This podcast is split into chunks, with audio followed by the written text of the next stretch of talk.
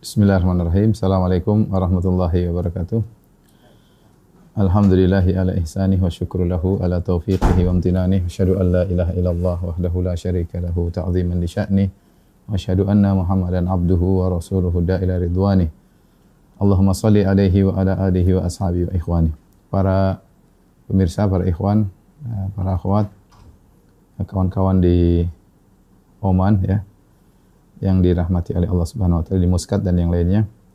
E, pada kesempatan kali ini kita akan bahas tentang e, ateisme atau ateisme dan bentuk-bentuknya, sebab-sebabnya serta syubhat-syubhat yang disampaikan oleh mereka orang-orang yang mengingkari adanya Tuhan.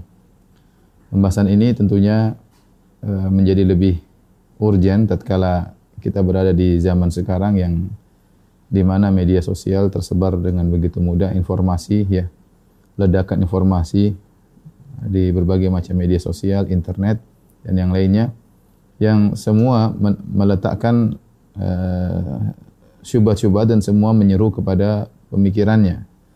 Ya, baik orang-orang Islam maupun orang-orang kafir ya. Uh, ahlus sunnah, ahlul bidah dan juga orang-orang ateis mereka juga uh, uh, meletakkan pemikiran-pemikiran mereka dan menyebarkannya sehingga sebagian remaja-remaja kaum muslimin yang berinteraksi dengan mereka atau membaca tulisan-tulisan mereka akhirnya terpengaruh ya dan ini kenyataan pahit yang terjadi ya. Sampai saya ketemu dengan guru saya Syekh uh, Saleh Sindi, Profesor Saleh Sindi, hafizahullah taala. Beliau menyatakan dulu tidak ada yang menyangka di Arab Saudi akan masuk pemahaman ateis ya. Tidak ada yang menyangka ya. Karena kita tahu bahwasanya di Arab Saudi negara sunnah, kemudian ilmu tersebar di mana-mana. Tapi ternyata tidak semua pemuda hadir dalam pengajian ilmu. Ya, banyak pemuda yang kemudian melanglang buana, kemudian eh, apa namanya berjalan-jalan di dunia maya, ya sehingga akhirnya mereka melihat hal-hal yang menurut mereka menarik, apalagi sesuatu yang yang baru seperti dalil tidak adanya Tuhan ya kemudian mereka pun baca dan akhirnya mereka terjebak dengan syubhat-syubhat orang-orang ateis. Dan ini kenyataan pahit yang uh, terjadi. Jadi ateisme bukan cuma dikhawatirkan di negara-negara Eropa bahkan negara-negara Islam juga mulai masuk. Tentu uh, apa namanya uh, uh, tinggal konsentrasinya mana yang banyak kuantitasnya ya sedikit atau banyaknya.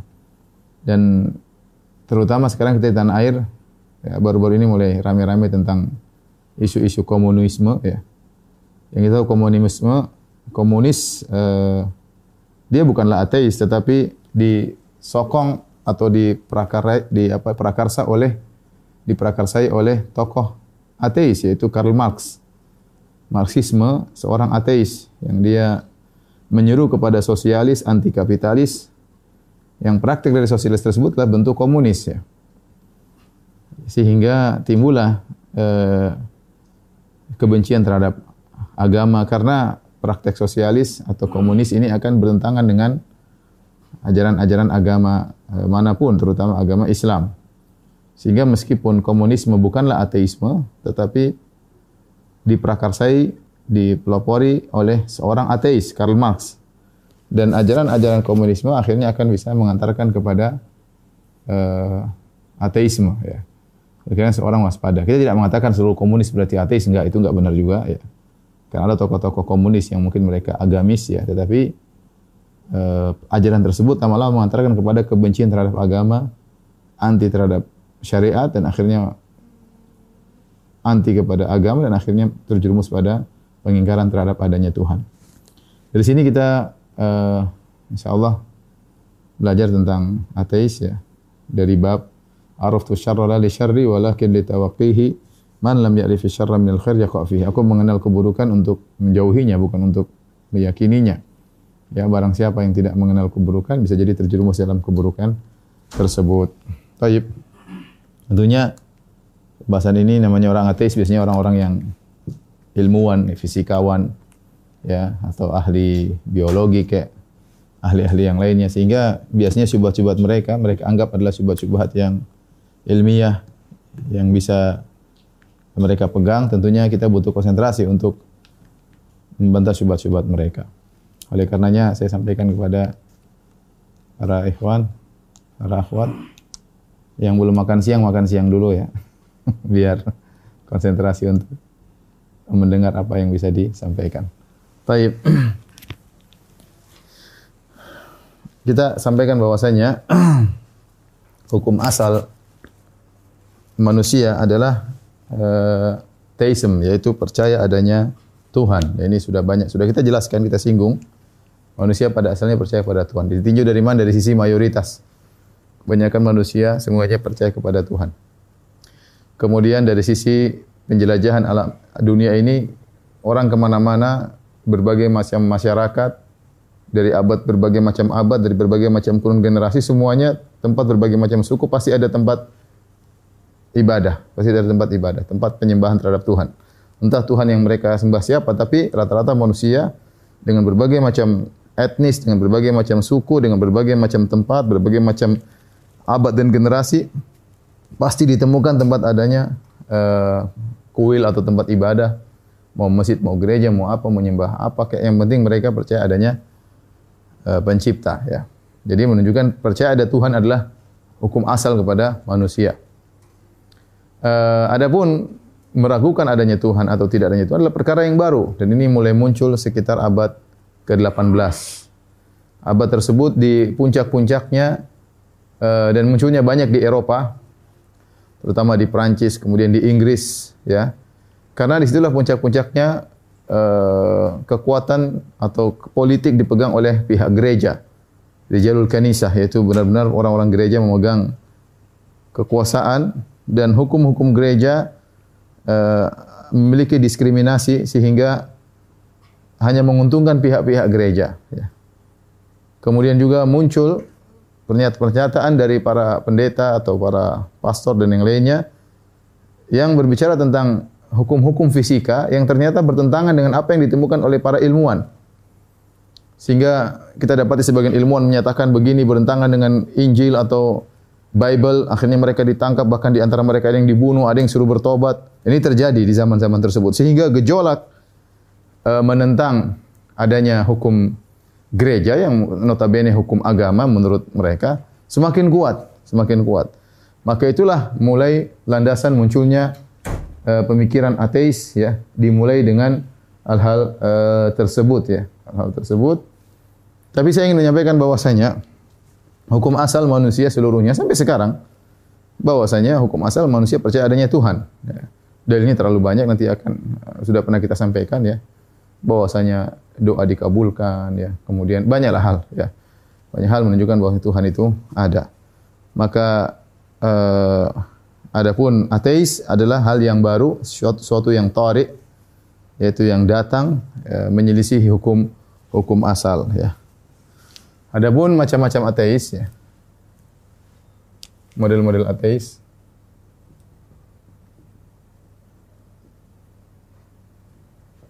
atau bahasa Arab namanya ilhad. Ilhad. Uh, ada beberapa ya. Pertama namanya deism ya. Kemudian uh, namanya ateis. Ya. Nanti ada namanya saya nggak tahu lagi istilah-istilahnya ya.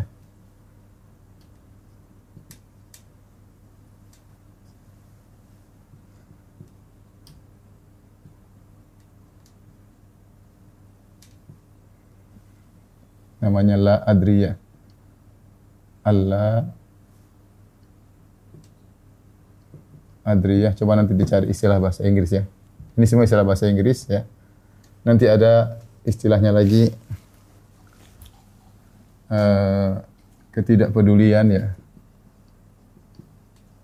Ini madhab-madhab dalam uh, pengingkaran Tuhan. Adapun adeisme kalau dalam bahasa Arab namanya ar-rububi.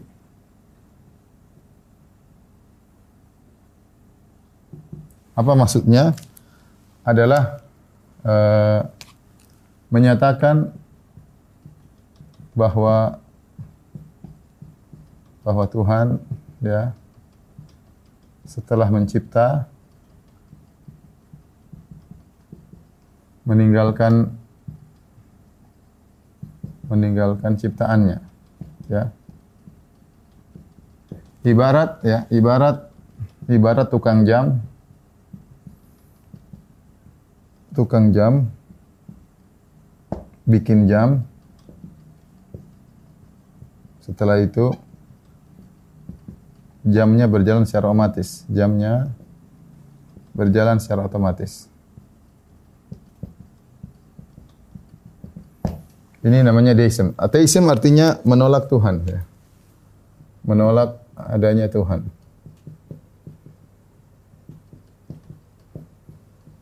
Atau pencipta ya. Dan ini ada dua model ya.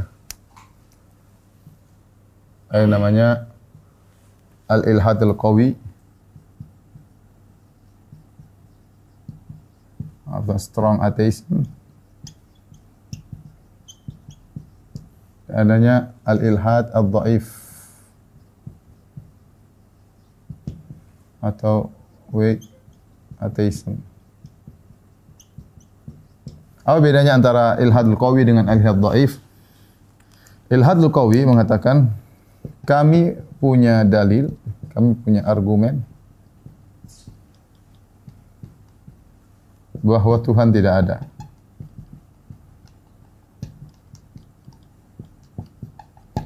Adapun al-ihad dhaif dia mengatakan kami belum punya argumen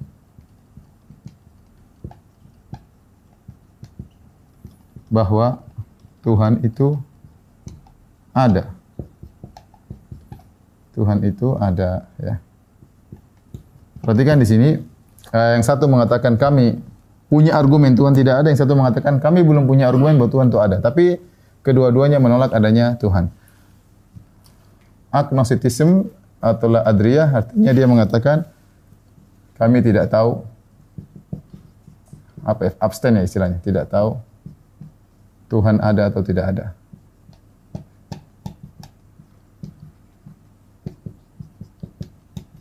Menurut mereka, dalil yang menyatakan Tuhan ada tidak kuat dan dalil yang menyatakan argumentasi sama Tuhan tidak ada juga tidak kuat. Yaitu kami tidak tahu. Ini orang bingung. Ketidakpedulian maksudnya apa? Kami tidak peduli. Kami enggak ngurusin. Tuhan mau ada atau tidak ada.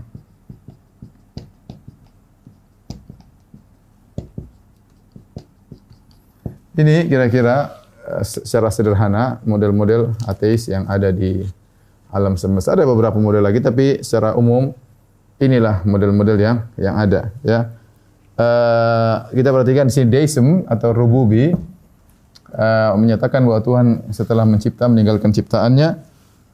Jadi ini dia anti agama ya, anti agama. Dia percaya ada Tuhan, tapi dia anti agama. Dia mengatakan agama itu hanyalah jadi kalau kita yang teism yang mengatakan Tuhan itu ada, bahwasanya Tuhan di antara rahmatnya Tuhan mengirim rasul, wahyu untuk membimbing makhluknya, manusia. Adapun menurut deism dia anti agama. Kita tidak kita mengenal Tuhan hanya dengan alam semesta. Kata mereka uh, mengenal Tuhan mengenal Tuhan cukup dengan akal dan mengamati alam semesta. Cukup. Alam semesta ya. Alam semesta. Tidak perlu adanya ya adanya utusan Tuhan, tidak perlu. Tuhan apalagi wahyu.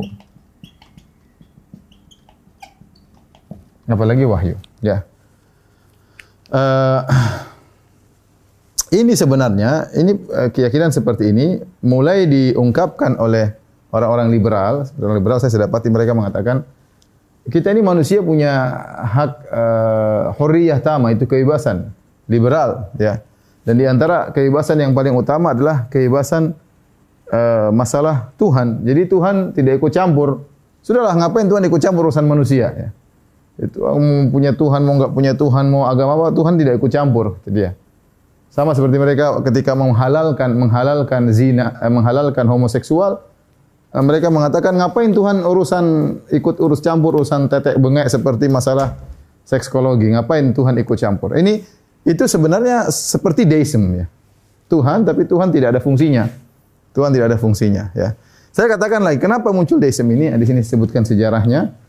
Eh, dibawa oleh dua tokoh. Yang pertama namanya Voltaire dari Prancis yang abad ke-8 dimungkin Thomas Paine ya. Ya, di sini tokohnya adalah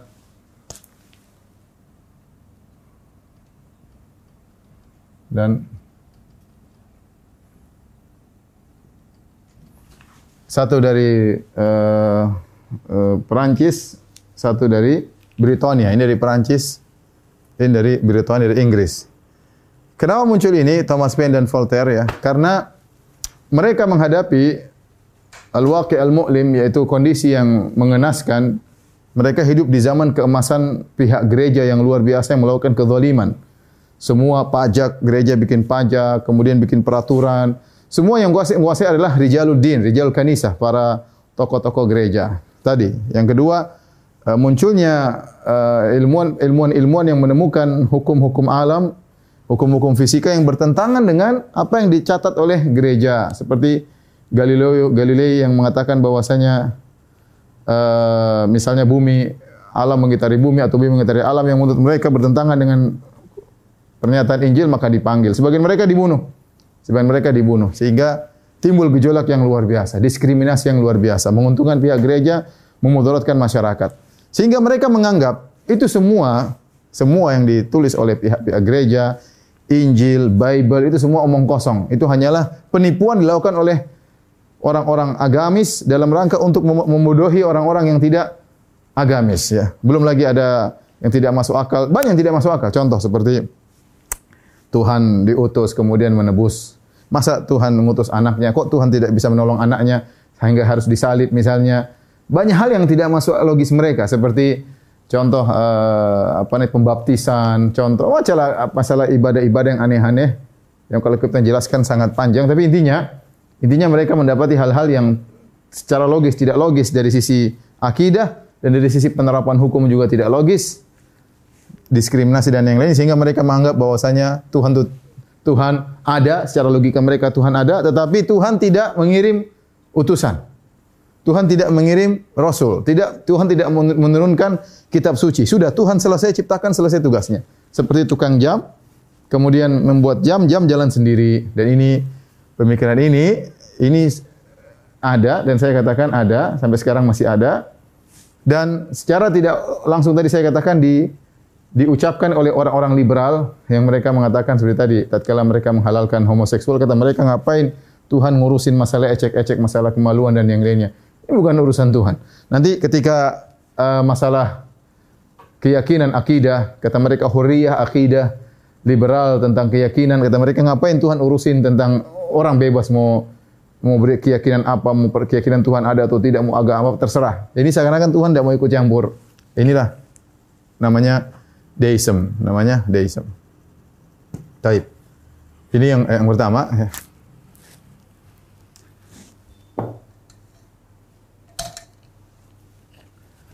Uh, kemudian uh, yang ini tentunya ini yang kedua. Ateisme yang ketiga la adriyah. Ini juga banyak banyak pengikutnya ya. Saya ditanya dua kali oleh kawan-kawan saudaranya menganut aliran ini. Kami tidak tahu Tuhan ada atau tidak ada ya.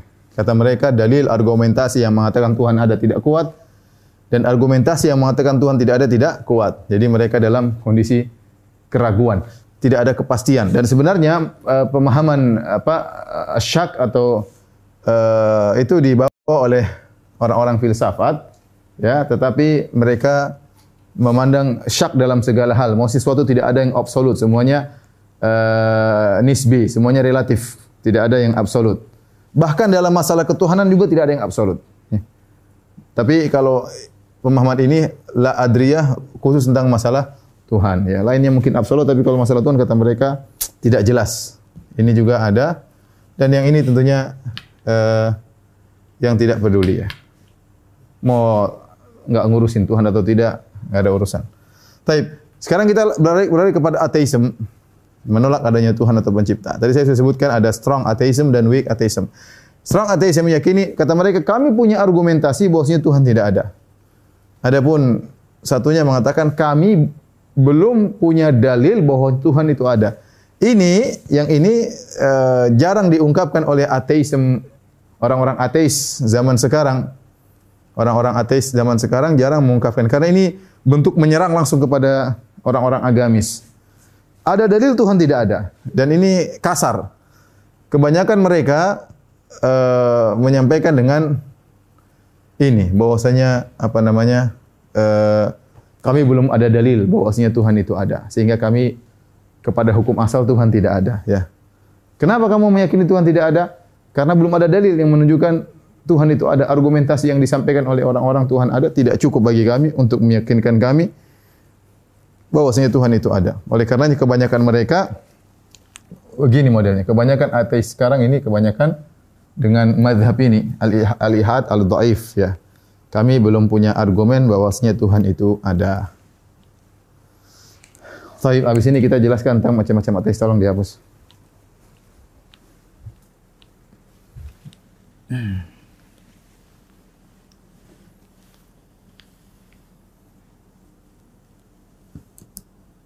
Kiri, kiri dikit, biar bisa difoto.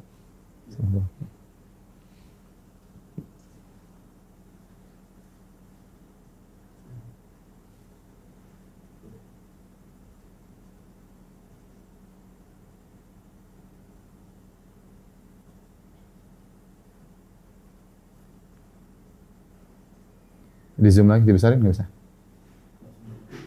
Bisa, ah, dibesarin. Eh, ke sana. Mundur dikit. Oke, hop, udah. Tapi teman-teman mungkin yang mau foto sebentar silakan ya.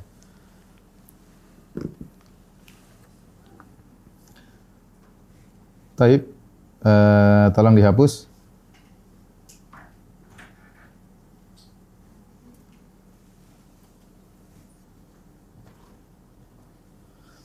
Uh, adapun uh, tadi yang deism, yang deism maka kita bantah uh, dan kita katakan bahwasanya Allah Subhanahu wa taala dalam Al-Qur'an ya menciptakan segala sesuatu dengan tujuan ya. Tidak mungkin jangankan Tuhan ya sederhananya jangankan Tuhan. Manusia saja kalau melakukan sesuatu yang asal-asalan maka uh, tercela ya. Maka itu adalah tercela. Adapun Allah Subhanahu wa taala menciptakan segala sesuatu pasti dengan tujuan. Adapun dibiarkan begitu saja ini seperti uh, untuk manusia saja tercela ya. Apalagi semacam apalagi pencipta alam semesta. Afa hasibatum annama khalaqnakum abatha wa annakum ilaina la turja'un. Apa kalian menyangka bahwasanya kami menciptakan kalian hanya sekedar sia-sia saja ya, bermain-main ya annakum ilaina la turja'un sementara kalian uh, merasa tidak akan dikembalikan kepada kami ya. Uh, di antara tokoh ilhad dhaif yang tadi kita sebutkan wake atheism yang mengatakan kami tidak menemukan dalil bahwasanya Tuhan itu ada seorang bernama Victor Stanger ya Victor Stanger yang dia wafat 2014 baru-baru dia wafat ya. Dia ahli fisika. Dia menulis judul buku yang judulnya God the Failed Failed Hypothesis How Science Shows the God Does Not Exist ya. Itu bahasa Inggrisnya mungkin saya tidak tahu bacanya kayak apa tapi intinya Tuhan suatu hipotesa, hipotesa yang gagal ya. Tuhan adalah suatu hipotesa yang gagal. Bagaimana sains membuktikan bahwasanya Tuhan tersebut tidak eksis lagi Tuhan tidak ada. Jadi dia membantah apa namanya uh, adanya Tuhan dengan uh, sains ya. Bahwasanya uh, hipotesa tentang adanya Tuhan adalah hipotesa yang gagal kata kata dia ya. Taib, adapun macam-macam ateis berdasarkan sebabnya ada beberapa ada tiga ya. Kita akan sebutkan.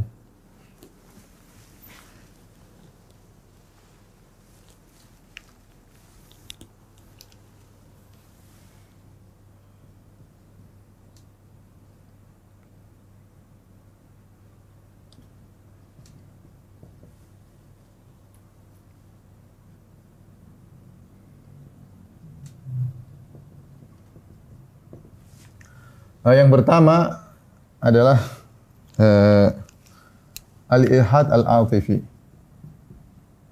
Ilhad al-atifi. Yaitu ateis perasaan.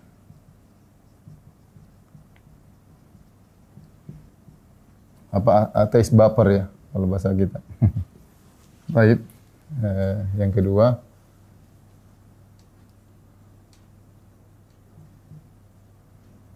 al-ilhad al-aqli. Ateis. Ateis. Aklani. Kemudian yang ketiga.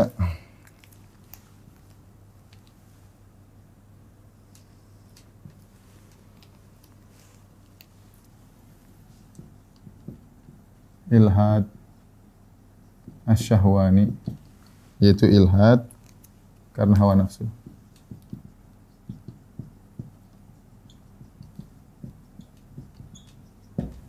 Baik, ini uh, kita boleh satu, ya, dua, tiga, ya.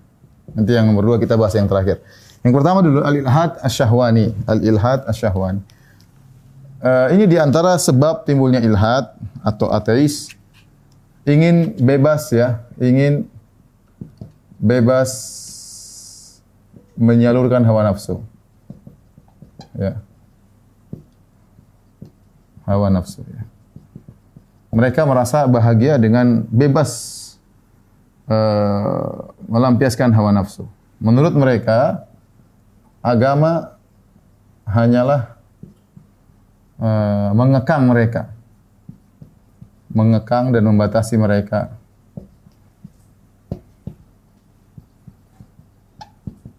Jadi kalau mereka percaya ada Tuhan, setiap mereka bermaksiat mereka gelisah. Ini enggak boleh, itu enggak boleh. Berzina, ini enggak boleh. Minum khamar, waduh haram. Gelisah. Tidak lepas dan bebas ya. Ya, tidak lepas dan bebas. Ya, mau ini, mau anu, mau minum khamar, mau berzina, mau homoseksual, mau apa, mau bebas, bebas, mau telanjang bulat, mau apa terserah mau apa namanya morfin dan yang lainnya. Dan mereka syariat ini hanya membatasi, menghalangi. Syariat hanya menghalangi sehingga ya udahlah daripada daripada Tuhan tidak ada. Tuhan tidak ada. Sudah mereka bebas, mereka bebas lepas dan senang-senang aja tidak ada Tuhan. Ini namanya al-ilhad asyahwani.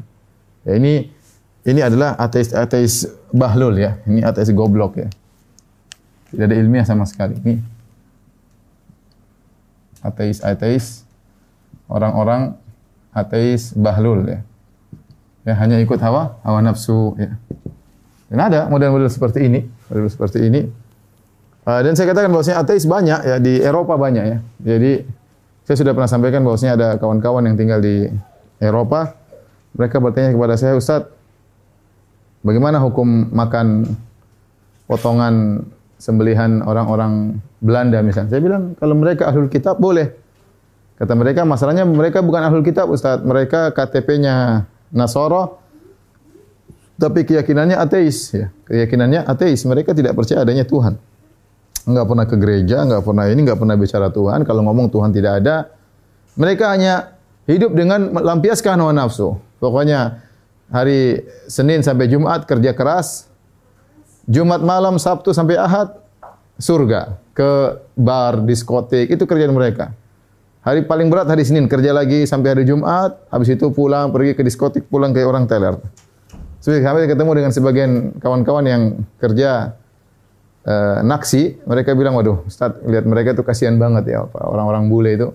Kalau sudah hari Sabtu Ahad, Sabtu Minggu, sudah mereka melampiaskan syahwat mereka, pulang seperti hewan teler, tidak terhina, ya seperti itulah kondisi mereka. Mereka ingin mencari kebahagiaan, tapi mereka dalam penderitaan. Kasihan. Jadi sebab mereka menjadi ateis karena tidak ingin terkekang dengan uh, syahwat mereka yang menurut mereka agama hanyalah menghalangi. Kemudian yang kedua, atau yang ketiga yang kita ingin bahas adalah ilhad al-atifi. Ilhad al-atifi ini kebanyakannya muncul kenapa? Karena tidak beriman dengan konsep takdir karena tidak beriman dengan konsep takdir. Ini tentunya kawan-kawan kalau ingin uh, mengerti lebih dalam harus belajar tentang masalah uh, takdir indah ahli sunnah wal jamaah. Takdir menurut ahli sunnah wal jamaah uh, kita sudah bahas ya bahwasanya secara sederhana saya ingin sampaikan saja uh, bahwasanya Allah Subhanahu wa taala menghendaki adanya keburukan dan ada kebaikan. Makanya kata Nabi SAW, rukun iman yang keenam, al-iman bil qadari khairi wa syarhi. Beriman kepada takdir yang baik maupun yang buruk. Apa maksudnya Allah beriman kepada uh, beriman kepada takdir baik yang buruk? Saya sederhana gini ya. Jadi eh, langsung aja pada intinya. Uh, ini Allah Subhanahu wa taala uh, menciptakan uh, kebaikan dan keburukan. Kita beriman kepada al-qadar, ya al-qadar khairuhu wa syar bil qadar khairihi wa syarrihi. Ini khairihi ini syarrihi. Qadar yang baik dan qadar yang yang buruk ya. Artinya dalam uh, dalam iman kepada takdir Allah menghendaki kebaikan dan Allah menghendaki keburukan. Timbul pertanyaan, kenapa Allah menghendaki keburukan? Kenapa? Ya. Jawabannya karena di balik keburukan ini ada maslahat, ya. Jawabannya di balik di balik keburukan ini ada kemaslahatan. Ini sederhananya lah ya. Ya Allah Allah menciptakan iblis karena ada banyak maslahat ya. Logika sederhana, jadi Allah mengatakan contohnya dhaharul fasadu fil barri wal bahri bima kasabat aydin nas liyudhiqahum ba'dhal ladzi amilu la'allahum yarji'un. Allah menciptakan keburukan dan uh, kerusakan daratan di lautan. Buat apa? Untuk memberi hukuman kepada manusia akibat perbuatan mereka. La'allahum yarji'un, semoga mereka sadar. Jadi Allah kasih musibah, Allah bikin bencana, tujuannya apa? Tujuannya agar mereka sadar. Dhaharul fasadu. Contoh ya. Ini contoh. Allah ciptakan al-fasad. Contoh.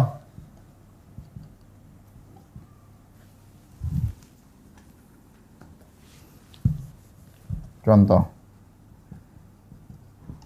Allah ciptakan cipta al-fasad.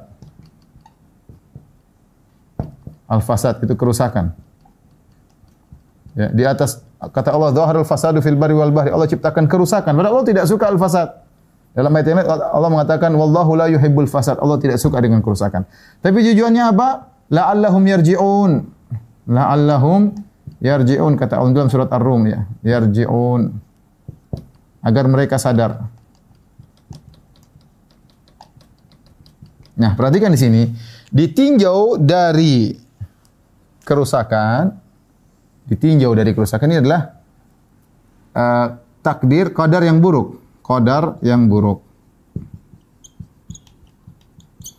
Ditinjau dari tujuan, ditinjau dari tujuan dari tujuan atau akibat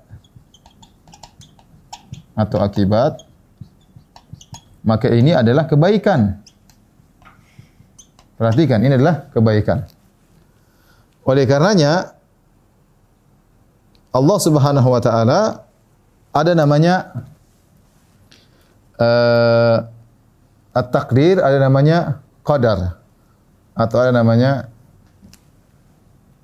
uh, ini ya, ini disebut dengan makhluk Allah ya.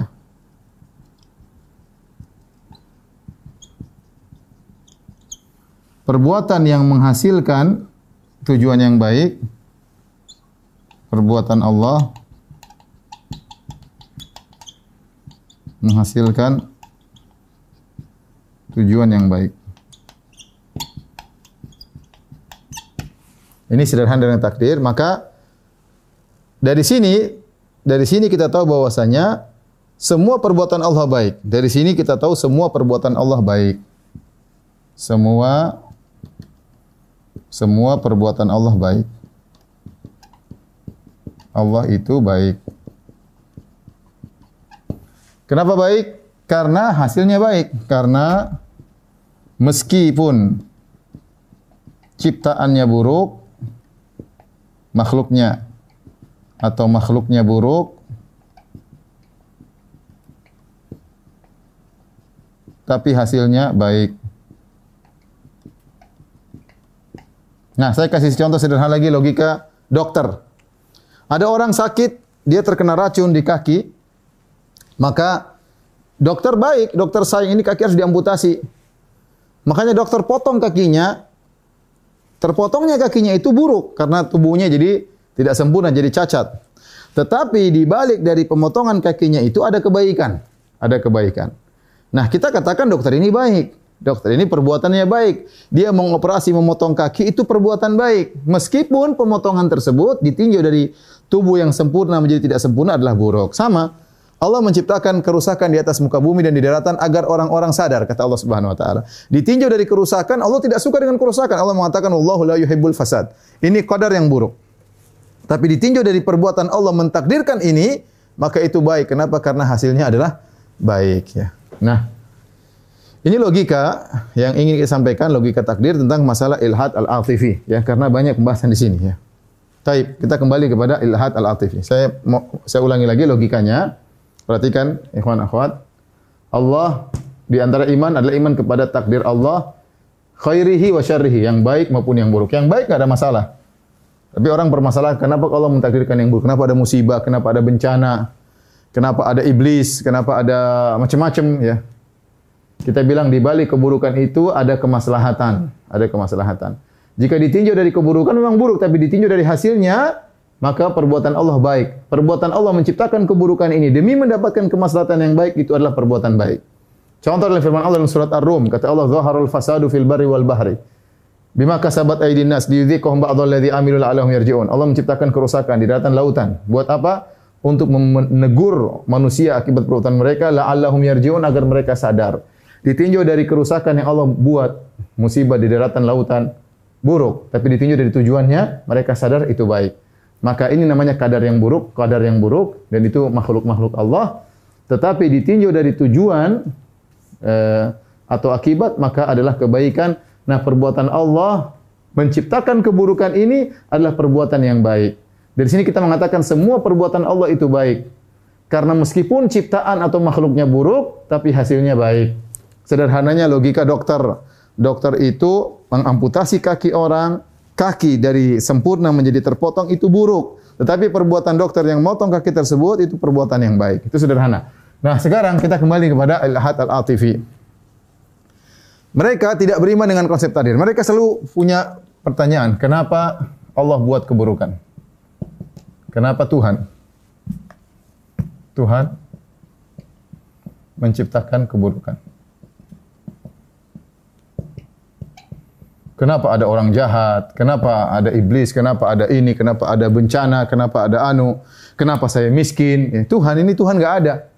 Kalau Tuhan ada, Tuhan Tuhan kan maha pengasih. Kenapa Tuhan jadikan saya miskin? Kenapa Tuhan jadikan saya cacat? Kenapa? Semuanya baper perasaan yang akal mereka tidak sampai pada logika takdir. Ya, logika takdir. Ya maka para ulama membantah bahwasanya, terus kamu maunya gimana? Terus kamu maunya gimana? Kata dia, kami maunya ya Tuhan itu ya kasih kita kita semua senang. Kita semua senang. Semuanya apa yang dia inginkan terpenuhi. Itu baru Tuhan ada. Ya, kalau kita ada yang sakit, ada yang miskin, ada yang anu, berarti Tuhan nggak ada. Logika sederhana. Bagaimana bantahannya kita bilang? Tuhan ya punya aturan tatkala menciptakan alam semesta, Tuhan punya tujuan adalah untuk menguji manusia. Jawabannya Jawaban Baik, yang pertama ya sudah kita bahas yaitu bahwasanya uh, keburukan yang Allah ciptakan yang Allah ciptakan ada maslahatnya di balik itu.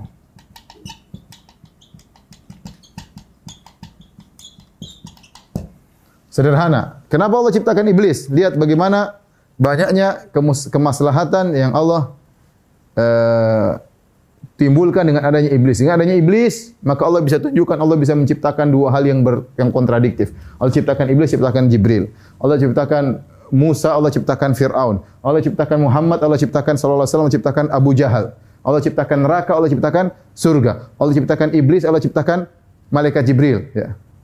Ada neraka, ada surga. Ini gara-gara ada iblis. Lihat, gara-gara ada iblis, ya, ada namanya ibadah yang agung, bertobat kepada Allah. Kalau nggak ada iblis, nggak ada, nggak ada orang maksiat, nggak ada tobat. Ya, dengan adanya, jadi di balik contoh sederhana, di balik ciptaan Allah ada iblis banyak masalah. Para ulama menyebutkan kemaslahatan diciptakan iblis. Memang iblis buruk, tapi di balik penciptaan iblis ada banyak kemaslahatan. Ya. Jadi ini tadi kita punya keyakinan tentang Allah, Allah menciptakan kebaikan dan keburukan. Tapi di balik keburukan itu pasti ada kebaikan. Nah, kebaikan yang ada di balik keburukan, kebaikan yang ada di balik keburukan terkadang tidak bisa kita pahami. Terkadang masuk logika kita, terkadang tidak masuk logika kita. Ya, contoh seperti kisah Nabi Yusuf alaihissalam dari berbagai macam keburukan, kemudian dilempar ke saudaranya di sumur-sumur, di sumur, kemudian dijual jadi budak, di penjara, akhirnya menjadi seorang menteri. Itu semua keburukan, rentetan keburukan, tapi ujungnya adalah kebaikan. Jadi jawaban kita sederhana, kenapa Tuhan menciptakan keburukan? Jawabannya keburukan yang Allah ciptakan ada masalah di balik itu. Yang kedua, bantahannya kita mengatakan uh, dengan adanya dengan adanya keburukan ya diketahui kebaikan. Bagaimana Anda bisa memahami makna rahmat, sayang kalau tidak ada ya, tahu rahmat, cinta, kecuali kita paham ada benci. Kalau semua rahmat semua nggak ada benci, kita nggak ada nama rahmat. Dari mana ada tahu laki-laki perempuan? Karena ada perempuan kita tahu laki-laki. Dari mana tahu perempuan? Karena laki-laki. Kalau semua laki-laki tidak ada namanya laki-laki. Tidak perlu ada penamaan laki-laki karena semua laki-laki. Maka dengan adanya keburukan kita tahu nilai kebaikan. Ini di, di, di antara maslahat yang Allah munculkan dengan adanya Allah menciptakan keburukan. Banyak hal ya. Kemudian yang ketiga ya memang Allah menciptakan manusia manusia untuk diuji. Memang tujuan Allah untuk apa? Menguji manusia. Dia beluakum untuk menguji kalian. Tuhan memang niatnya untuk menguji. Ya kalau tidak semuanya nikmat, nggak ada kesulitan, nggak ada ujian. Ya. Bagaimana mau sabar kalau nggak ada kesusahan? Nggak ada kesusahan. Bagaimana orang mau dikatakan bersabar? Orang ini mulia karena sabar. Gimana mau sabar kalau nggak ada kesulitan? Memang Allah menciptakan manusia untuk di, diuji. Contoh lagi, bahwasanya dengan adanya keburukan berlaku berlaku hukum sebab akibat.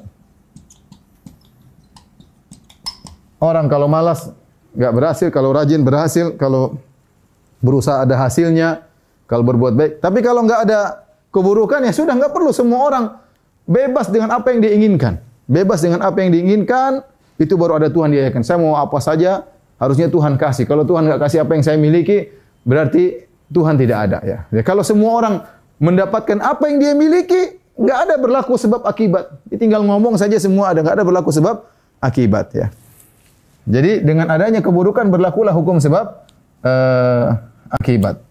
Kemudian eh, yang kelima, kita kita tantang kepada mereka, bisakah ya? Bisakah ada suatu alam secara logika yang semua ter, semua nyaman ya terpenuhi kehendaknya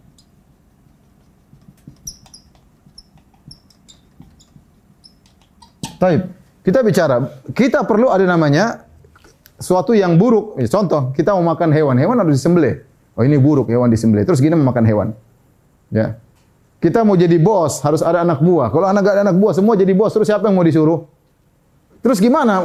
Ente tidak suatu alam yang semuanya seperti itu. Bahkan di surga saja Allah ciptakan para apa namanya pembantu-pembantu. Allah ciptakan silir-silir, Allah ciptakan membantu-pembantu. Allah ciptakan hewan yang bisa di, dimakan. Di surga saja demikian, apalagi menghayalkan di bumi semua yang kita inginkan terpenuhi, tidak ada satupun yang diperintah. Eh, gimana? Terus bagaimana mau hidup di alam seperti itu? Mau bagaimana?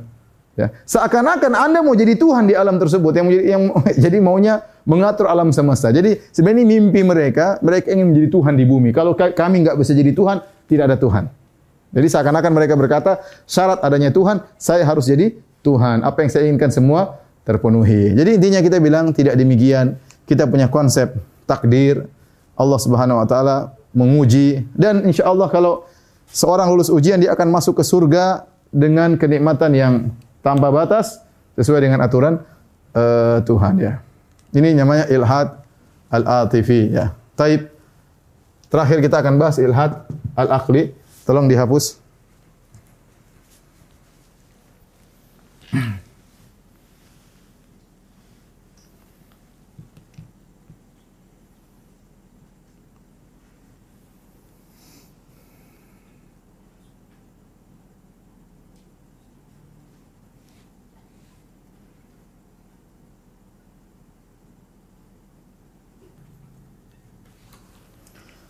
Tapi yang terakhir akan kita bahas adalah ilhad al-aqli.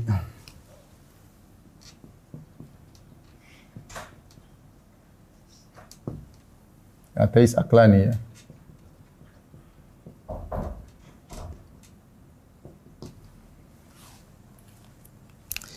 Uh, ada dua. Yang pertama ateis falsafi. Kemudian uh, ilmi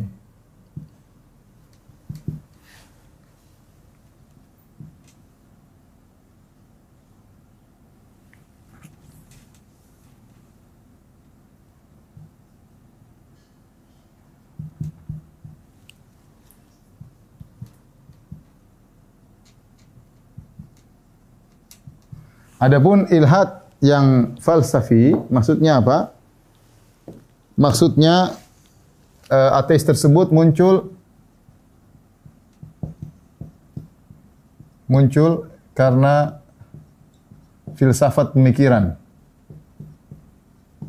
Pemikiran semata. Adapun ateis ilmi yaitu ateis yang muncul karena menganggap agama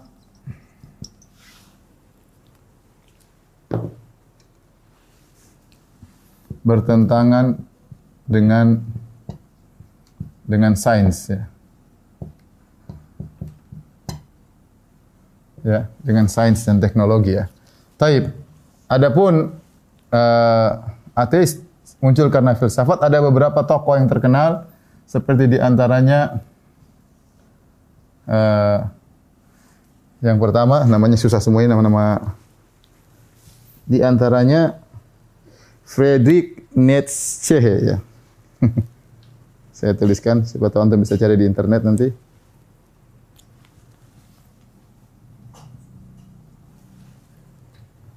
Coba namanya Friedrich. Eh.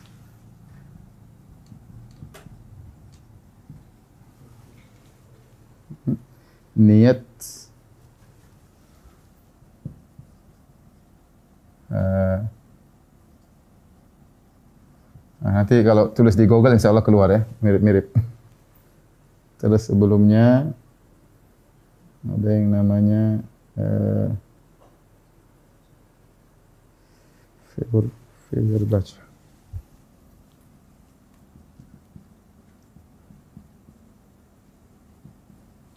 Itu namanya Karl Marx.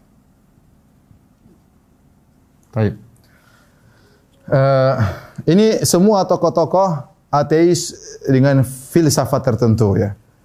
Friedrich ini semua ini semua muncul akibat apa? Ini akibat akibat ketidakpuasan dengan hukum-hukum gereja. Jadi mereka ini asalnya adalah uh, Nasoro ya. Asalnya Nasoro kemudian muncul ya. Adapun uh, ini munculnya di banyaknya di Eropa ya. Jadi di Jerman ya. Ludwig Feuerbach ya tahun 1872 wafatnya, Karl Marx 1883 ya ini apa namanya berasal dari Eropa ya. Adapun bedanya Feuerbach sama Karl Marx, Feuerbach dia mengatakan bahwasanya Tuhan itu adalah hasil Tuhan adalah hasil pemikiran manusia.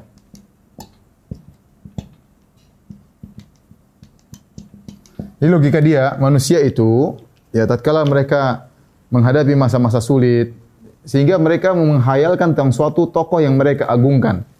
Sehingga akhirnya mereka menghayalkan ada yang namanya Tuhan, suatu yang mereka tempat mereka bersandar. Padahal tidak ada. Tuhan itu ada, cuma hanya sekedar logika mereka sehingga mereka punya pegangan. Gampangannya demikian.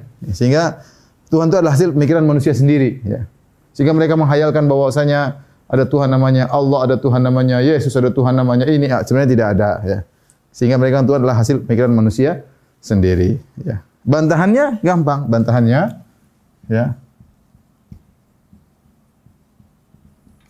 Pertama, kalau memang demikian,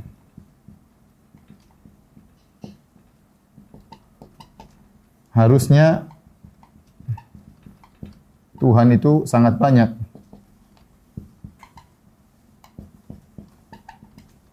Karena masing-masing orang, masing-masing orang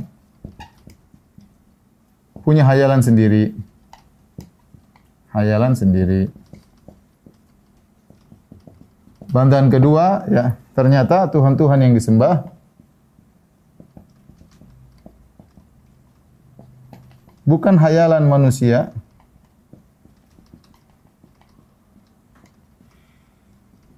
tapi sifat-sifatnya termaktub disampaikan oleh sampaikan oleh para rasul ya. ya. Seperti Nabi Isa. Nabi Isa alaihissalam sifat-sifatnya jelas. Itu bukan khayalan manusia. Dia ada yang Nabi Isa maksudnya disembah oleh Nasara. Orang Nasara menyembah Nabi Isa. Dia bukan menghayalkan Nabi Isa. Tapi Nabi Isa datang dalam riwayat-riwayat. Mereka tinggal beriman. Jadi bukan hasil karya mereka. Bukan hasil hayalan mereka. Karl Marx, dia melanjutkan Verbach. Kemudian dia mengatakan uh, bahwasanya kenapa manusia butuh Tuhan? Ya, manusia butuh Tuhan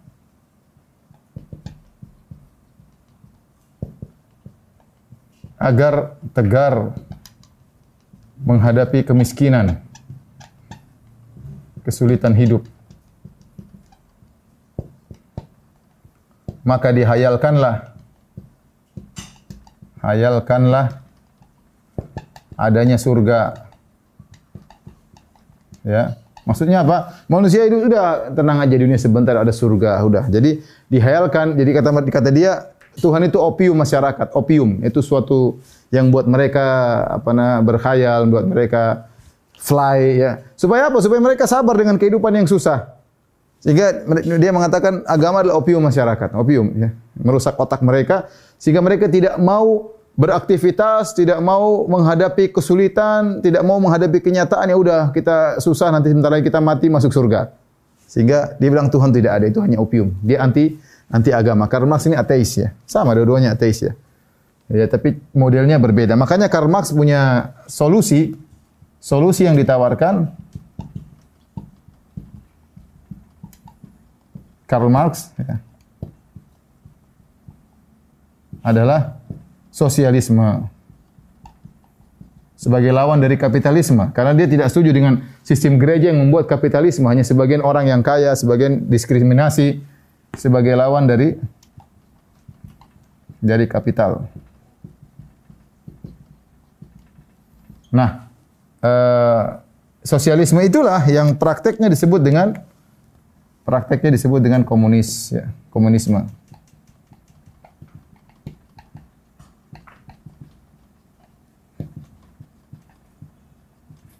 Jadi saya katakan komunis bukan bukan ateis ya bukan, tetapi komunis mengantarkan kepada ateis. Makanya seperti mungkin sebagai negara uh, Cina, saya rasa juga komunis, eh, mereka percaya dengan dewa-dewa, mereka percaya dengan Tuhan ya. Beda mungkin dengan Rusia, ateis. Tapi maksud saya komunis tidak mesti ateis, tetapi komunis atau sosialisme ini dibentuk oleh seorang ateis namanya Karl Marx dan dari sini kita tahu bahwasanya ajaran sosialisme ini akan bertabrakan dengan banyak ajaran syariat. Dalam syariat ada Islam boleh membolehkan ada pemilikan harta pribadi tetapi harus bayar zakat dan yang lainnya, maka uh, inilah menimbulkan ateis sama-sama sekedar filsafat. Adapun Friedrich Nietzsche ya, dia punya buku ya. E, kata orang dia sedang bermain-main, ada yang mengatakan itu beneran ya. Tapi intinya dia dia meninggal tahun 25 Agustus 1900. Sangat lama dia punya e, dari orang Jerman, judulnya God is Thought yang artinya Tuhan sudah mati ya. Dia punya buku judulnya penulis buku ya. Tuhan sudah mati. Ini dia mungkin jengkel dengan uh, apa yang terjadi sehingga dia bilang Tuhan sudah mati. Kalau Tuhan hidup harusnya begini, harusnya begini, harusnya begini. Tuhan sudah sudah mati. Ini namanya ilhad al-falsafi. Sekarang kita berbahas dengan ilhad al-ilmi ya, ilhad. Jadi bagaimana kita bantah Karl Marx? Kita bilang Karl Marx dia apa namanya sedih dengan aturan gereja sehingga dia harus memunculkan aturan sosialisme. Tapi seandainya dia mengenal Islam, dia mengenal Islam, Islam mengatur harta dengan begitu baik. Seorang yang berusaha ya dia harus berhasil, dia berhak memiliki yang tidak berusaha malas-malasan ya sudah. Tetapi yang kaya harus bayar zakat. Yang kaya disuruh bersedekah sehingga tetap saja ada kesejahteraan meskipun kepemilikan dimiliki oleh sebagian dan sebagian miskin ya. Sementara mereka praktekkan sosialisme, kata mereka semua orang harus tidak ada harta milik pribadi, harus milik bersama, harus sama rata. Kenyataannya juga tidak demikian. Apakah di Cina kemudian semuanya sama rata? Enggak, tetap ada orang-orang terkaya. Apakah Rusia semuanya sama rata? Tetap saja ada orang-orang yang kaya. Jadi sosialisme hanya kepada mayoritas, tapi sebagian tetap kapitalis. Intinya ini tidak bisa mewujudkan apa yang dia inginkan. Taib, uh, ateisme ilm, maka ini terbagi menjadi dua. Atau di sini ada beberapa uh, ini intinya teori-teori teori-teori yang yang menunjukkan menurut mereka Tuhan tidak ada. Di antaranya teori Darwin. Yang kedua, para fisikawan teori terjadinya alam semesta.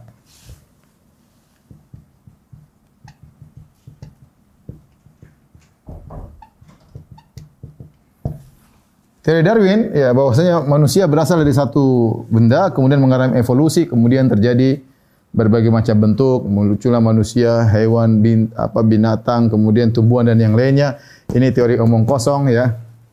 Karena teori Darwin tidak bisa eh, yang dibangun di atas teori evolusi ternyata sangat tidak ilmiah dan banyak hal yang tidak bisa dijelaskan oleh Darwin ya. Banyak hal tidak bisa dijelaskan oleh Darwin. Intinya manusia kata dia manusia berasal dari monyet. Bantahan, ya. Kita pertama monyet dari dulu, monyet tidak satu pun setelah seribu tahun yang berubah jadi ganteng sedikit, tidak ada.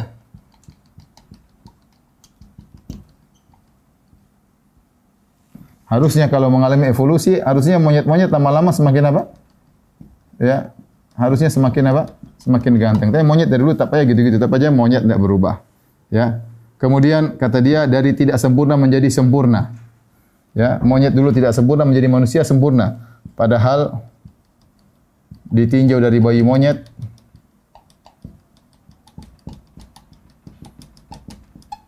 dari bayi monyet lebih hebat dari lebih hebat dari monyet dari bayi manusia. Bayi manusia ketika lahir nggak bisa apa. Bayi monyet sedikit-sedikit sudah loncat sana loncat sini. Terus dari sisi bayi monyet lebih sempurna. Ya. Monyet lebih sempurna. Kemudian misalnya ini aja kesamaan bentuk saja. Sekarang kenapa? Pertanyaan ketiga, kenapa jerapah lehernya tinggi?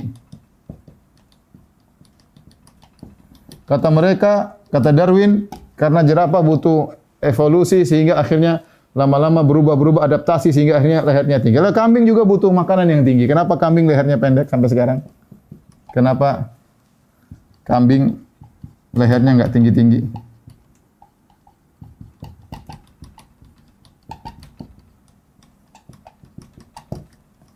Dan Darwin juga tidak bisa membantah tentang apa? Teori insting. Insting atau naluri. Coba. Kenapa laki-laki tertarik sama perempuan? Darwin tidak bisa pernah menjelaskan.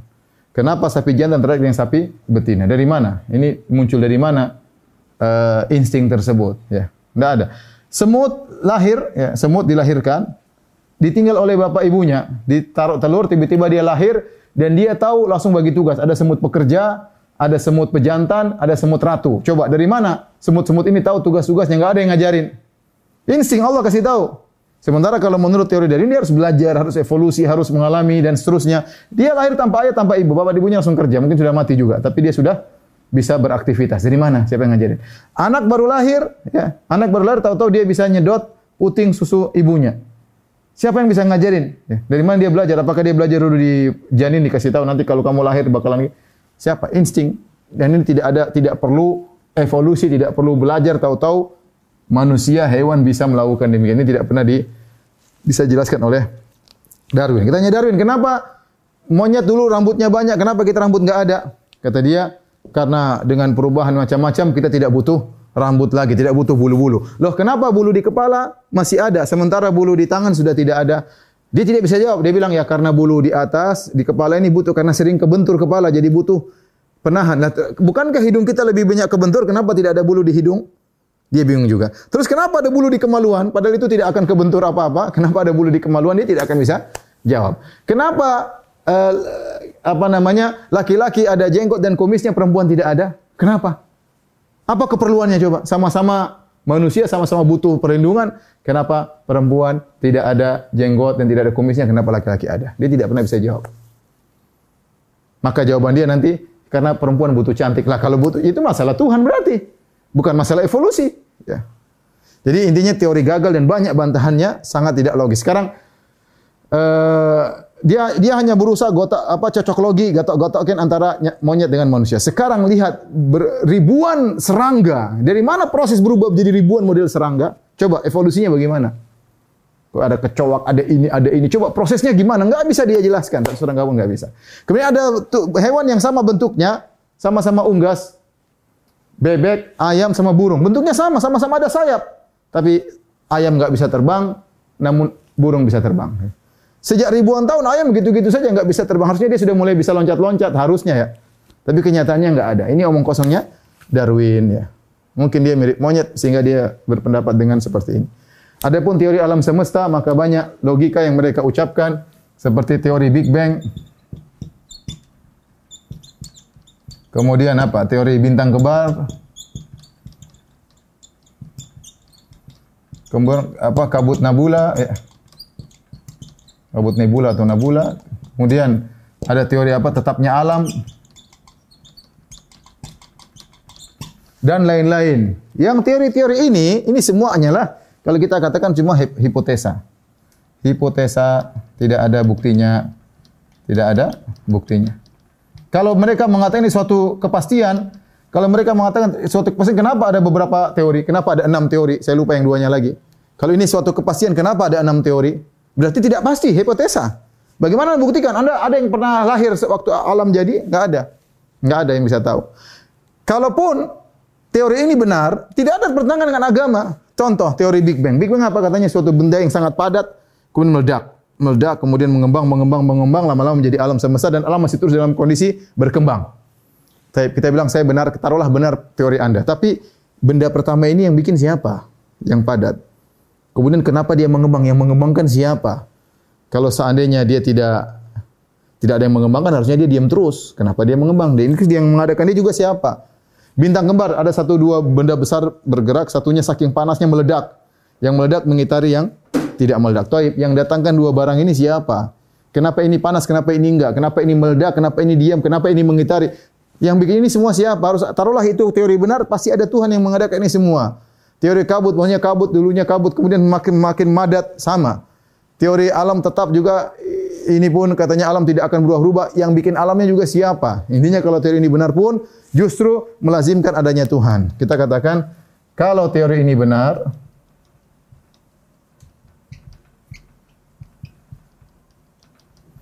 justru melazimkan adanya Tuhan.